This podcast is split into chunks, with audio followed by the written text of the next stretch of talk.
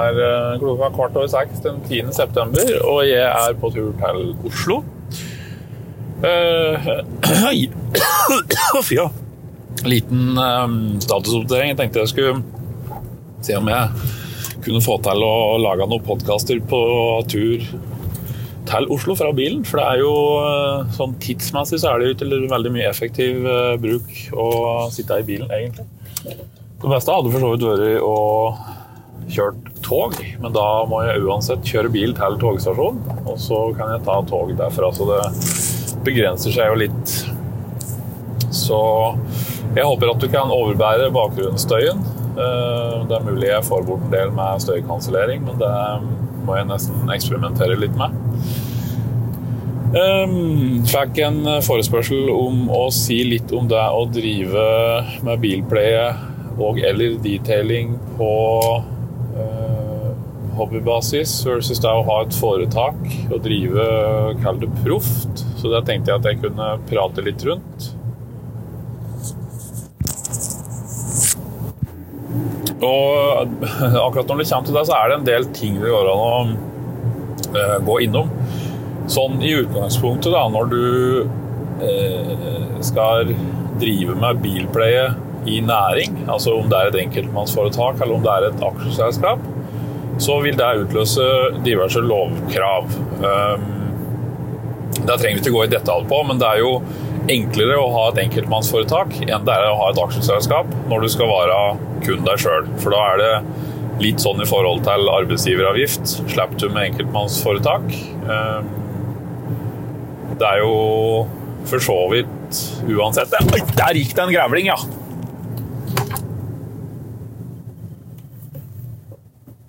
Ja da, her, her skjer det ting. Da fikk jeg tydeligvis kjørt på en uh, grevling som fløy av gårde nedover et jorde.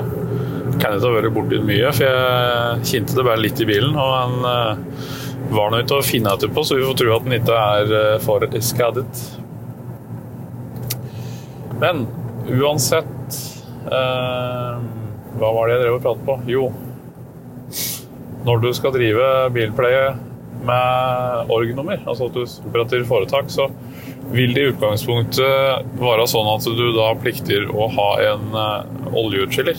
Uh, fordi du skal drive vask av bil. Og det utløser krav om oljeskiller. Og så er det sånn at du da må ha uh, næringseiendom eller tomt godkjent for næringsbruk. Du har i utgangspunktet ikke anledning til å stå på gardsplassen hjemme med orgnummer og vaske bil uten oljeskiller eh, på tomt til eiendom regulert til eh, bolig. Så det er jo en litt sånn gråsone, akkurat dette der. Eh, og i den overgangen til å opprette foretak, så, så, heter det seg at du kan ha en, en, en testperiode eller en prøveperiode da, for å se om det er noe å, å drive med. Og der er jo skatteetaten litt sånn romslige på sine vurderinger. Det er jo på en måte en ny Det er jo òg en gråsone, eller egentlig dette med oljeutskiller og at det skal være næringsregulert, så er det jo ikke noe gråsone. Det er jo et ganske klart skille. Men uh, dette med overgangen fra hobby til næring er litt sånn gråsone, for der er det liksom en vurdering på flere ting. Det er jo mange som prater på den 6000 kroners grensa, men den gjelder egentlig ikke for andre folk på egen eiendom. Den gjelder hvis du reiser til uh, kunden, da. Altså hvis du, den er jo beregna på type uh, snømåking, plenklipping, maling av gjerde, altså sånne enkle oppgaver som du kan har anledning til å ta betalt fra andre privatpersoner uten at det der blir noe krav om noe merverdiavgift eller noe skatt. Um, og bokføring og regnskap og sånn. Så det skatteetaten visstnok bruker litt som vurderingskriterium, da, er jo at hvis du driver med f.eks. bilpleie, og du har en Facebook-side, så er det sånn at du per definisjon gjør en innsats for å nå ut av folk, og du legger til rette for at folk kan finne deg. Sånn at du kan gjøre jobber for dem, og da er det per definisjon ikke lenger en hobby. Da er det næring. Dette er nok litt sånn Det er ikke helt rigget, dette, men Men i utgangspunktet driver du hobby og har en Facebook-side der du har priser på jobber og sånne type ting, og du legger til rette for at andre folk utenom nærmeste omgangskrets kan finne deg, så er det ikke lenger en å regne som en hobby. Det er i hvert fall litt sånn i grenseland.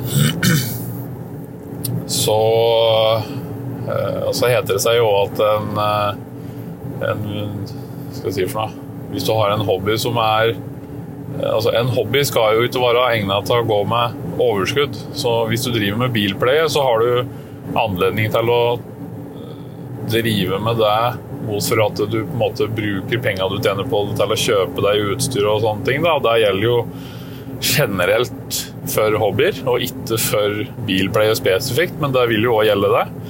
Um, men i motsetning til strikking, da. Hvis du strikker, så vil ikke det gi noe krav om oljeutskiller, så den er jo kanskje litt enklere å forholde seg til. Så det er, det er jo noen, som du skjønner, noen faktorer som, som spiller inn der. Eh, og så er det jo dette med Hvis du da skal flytte seg litt bort ifra det på en måte det som har med foretak og, og lover og regler å gjøre Det kan godt hende jeg har glemt noe der nå. Eh, så er det dette med prising av tjenester, og der er det jo eh, et, det er jo en liten utfordring da, når det kommer til dette med bilpleie og useriøse aktører som, som ikke forholder seg til arbeidsmiljøloven og, og, regler og lover fra myndigheten når det kommer til drift av altså Det blir jo drift av selskapet generelt, men, men og på en måte dette med eh, menneskehandel og underslag og hvis du har sett uh, Brennpunkt-dokumentaren uh, 'Prisen for en ren bil', eller 'Prisen for en blank bil', eller hva den heter for noe, så, så får du se litt hvordan den organiserte kriminaliteten i det er jo er det en eller annen det er Hanson eller en tilsvarende kjede som de, som de går etter der. Se litt åssen dette funker. Ehm, det er ganske ugreie greier. Sånn at eh, for meg, da, så når jeg prater med noen som driver med bilplay, så er det eh, egentlig ganske viktig dette med prising av tjenester. At du, du skal jo hvis du, Uansett om du har en hobby, eller om du har, og spesielt når du har næring, så er du avhengig av å ha pris på tjenesten som tilsier at du kan tjene penger på det. Uh, det er jo, som jeg akkurat har nevnt, at med hobbysite det er på en måte noe sånn viktig, men det, jeg tenker det er greit å ha et forhold til det. At du ikke går i den fella at du priser ting når du driver i hobby, og så er du i en sånn gråsone mellom hobby og næring, og du får en viss kundekrets. Um, og så når du da oppretter foretak og skal drive, så klarer du ikke å komme deg ut av den prisgropa du har laga deg som hobby, for der folk vet at du tar så og så mye. Du har på en måte ekspandert hobbyen såpass at det er i utgangspunktet en næring uten at prisa har ført med. Og nå, nå skal jeg ikke gå så veldig mye på konkrete priseksempler, men, eh, men, du kan jo i utgangspunktet si at uh, du må i hvert fall ligge på 500 kroner timen uansett hva slags, time, uansett hva slags tjeneste du driver med, er X-moms. Uh, og så er jo det et regnestykke med, med, skatt og merverdiavgift som du kommer til å bikke ganske fort hvis du driver på heltid. I løpet av en måned eller noe, så to, så har du jo bikka den.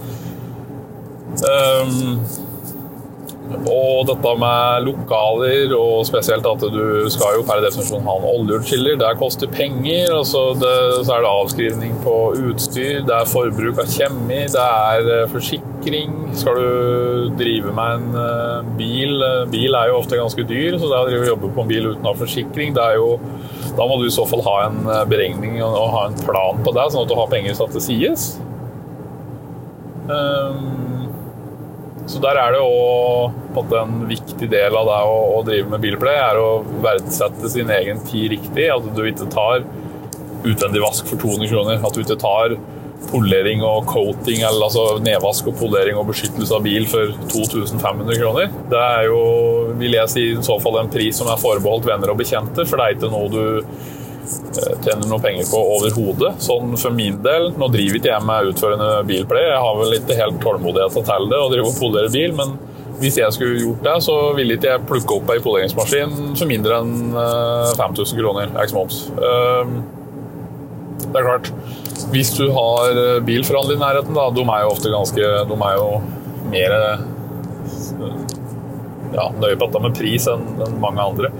Da, da, ved å få en avtale som sier at du kan klargjøre så og så mange biler, eller at du har en eller annen form for avtale med en forhandler på ny bil eller bruktbil, eller hva det er, da, da går det jo selvfølgelig an å strekke seg litt prismessig, for da vet du at du har en, eh, en fast inntekt. Du har et inntektsgrunnlag å basere deg på, og så kan du ha andre jobber i tillegg. Ta andre biler i tillegg. Um, og så er det klart at eh, det er jo uansett da, om det er i hobby eller om det er i næringsøyemed, så er det jo den biten rundt HMS. Eh, det er jo like lite er like mye skadelig for kropp og ikke sjel, kanskje. Det er vel snarere tvert imot for sjela, men det er å beskytte seg fra Én ting er jo kjemi og den biten der, men det er jo dette med arbeidsstilling, at du har riktig ergonomi når du jobber, at du har kneputer f.eks. hvis du sitter på kne, eller aller helst en løftebukk hvis du skal polere bil, at du slipper å sitte krokbøyd og du skal polere kanaler og nedre sider av dører, dører, så er det ikke så digg å ligge på 30. bilen og, og ligge på gulvet. på en måte. Det er godt å få det opp i riktig arbeidshøyde. Det er å ha, det er å ha sann, poleringsmaskin som, som eh, ikke vibrerer veldig mye, som helst er under arbeidsmiljø... Er det i arbeidsmiljøloven, eller er usikker på hvor det står hen. Der er det noe krav i forhold til bruk av elektrisk verktøy i jobbsammenheng. At det skal være under så og så mye vibrasjon i maskina. Eh, Og det er begrensende eksponeringsgrenser, eller hva det kalles, på hvor lenge du kan bruke verktøy som har dum og dum verdier eh, på vibrering. Eh, dette med støy, at du passer på at du ikke sitter med høyfrekvent eh, støy fra poleringsmaskiner etc. uten å ha noe beskyttelse på øra. Eh, Og så uansett eh, vernebriller ved behov når du trenger det, hansker når du trenger det. Det er jo ikke eh, mye av den vaskekjemien og de produktene er jo ikke noe som er å få på fingra. Du skal ikke blande mat borti når du driver og jobber med dette, så du får det inn i kroppen.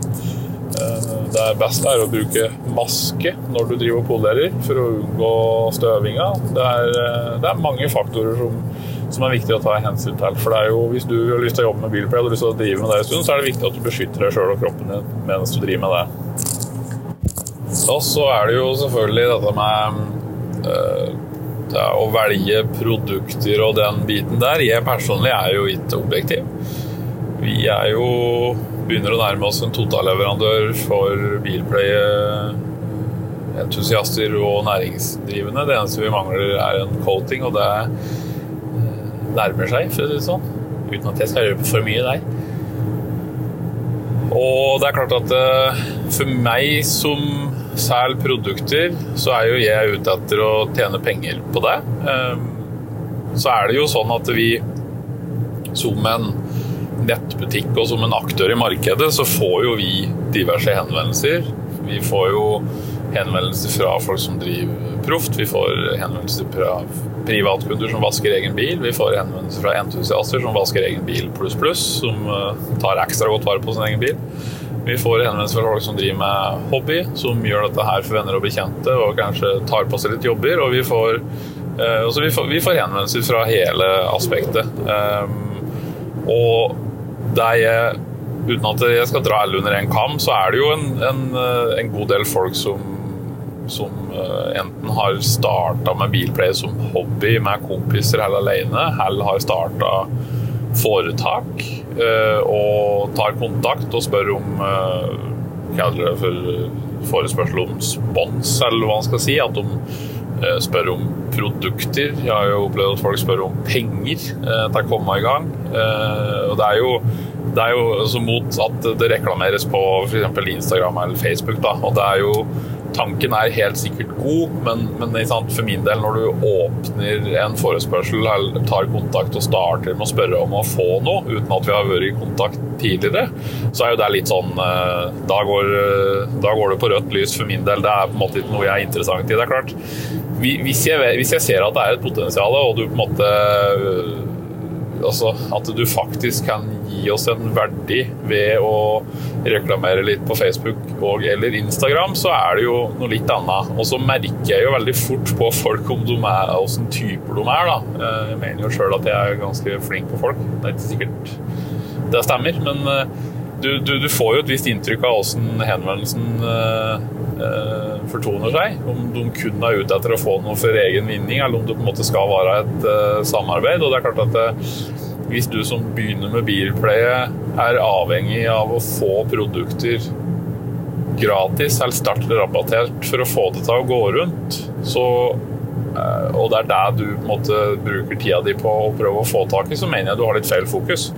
Du må jobbe med å Du må jobbe som F og stå på for å få det til å fungere. Det er ingen av, si, ingen av oss som driver med bilplay den ene eller den andre fasongen på fulltid som har fått ting i fanget. Det er hardt arbeid. Du må du, har du tenkt å begynne å tjene penger på det, så må du gjøre det riktig fra dag én. Du må ha rette priser, du må sørge for at markedet eh, ikke forventer at du skal gi dem rabatt på tjenestene dine. Du kan ikke gjøre det sånn at de forventer at du skal eh, ta deg underbetalt, at du ikke skal kunne leve av å ta det. Altså, ja, er det en hobby, da blir det en annen, men så fort det er prat med på marked, så tenker jeg da er vi egentlig over på næring.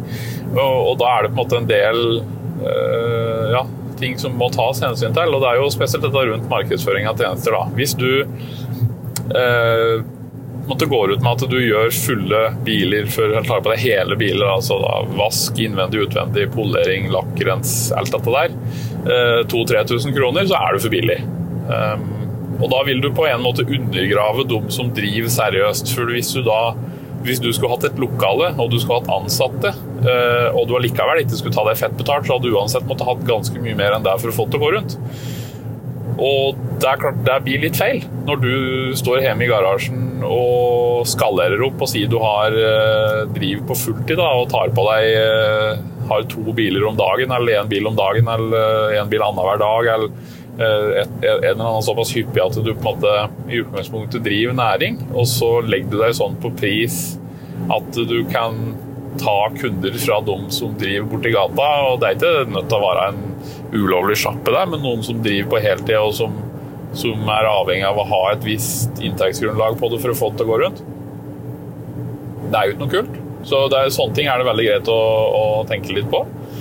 Um, da er det helt sikkert noe jeg har glemt, men da kan jeg ta en oppfølgingsepisode. Ta også, Jeg legger sikkert ut denne episoden her på, på, en post på Facebook, og han havner jo på Spotify og iTunes og alt dette. Så ta også skriv en kommentar da, hvis du har noe hvis du har noe innspill, eh, send meg en e-post på kontakt.detailshop.no eventuelt, hvis det er noe du ønsker å høre om. Så jo, eh, jeg vil oppfordre folk til å gå inn i nettbutikken og ta en kikk på klissemerke og kaffekopp og energidrikke som vi har lagt ut nå. Det har vi fått denne uka her. Det er litt sånn kult merch, syns jeg. Det er T-skjorter på vei. Eh, forhåpentligvis så kommer det til å bli mye mer av T-skjorter og, og, sånne ting. Det er jo artikler som jeg syns ikke er veldig god tilgang på i markedet. Altså T-skjorter som er ålreite, og som ikke nødvendigvis bare har digre, feite logoer klistra på seg. Takk for at du hørte på.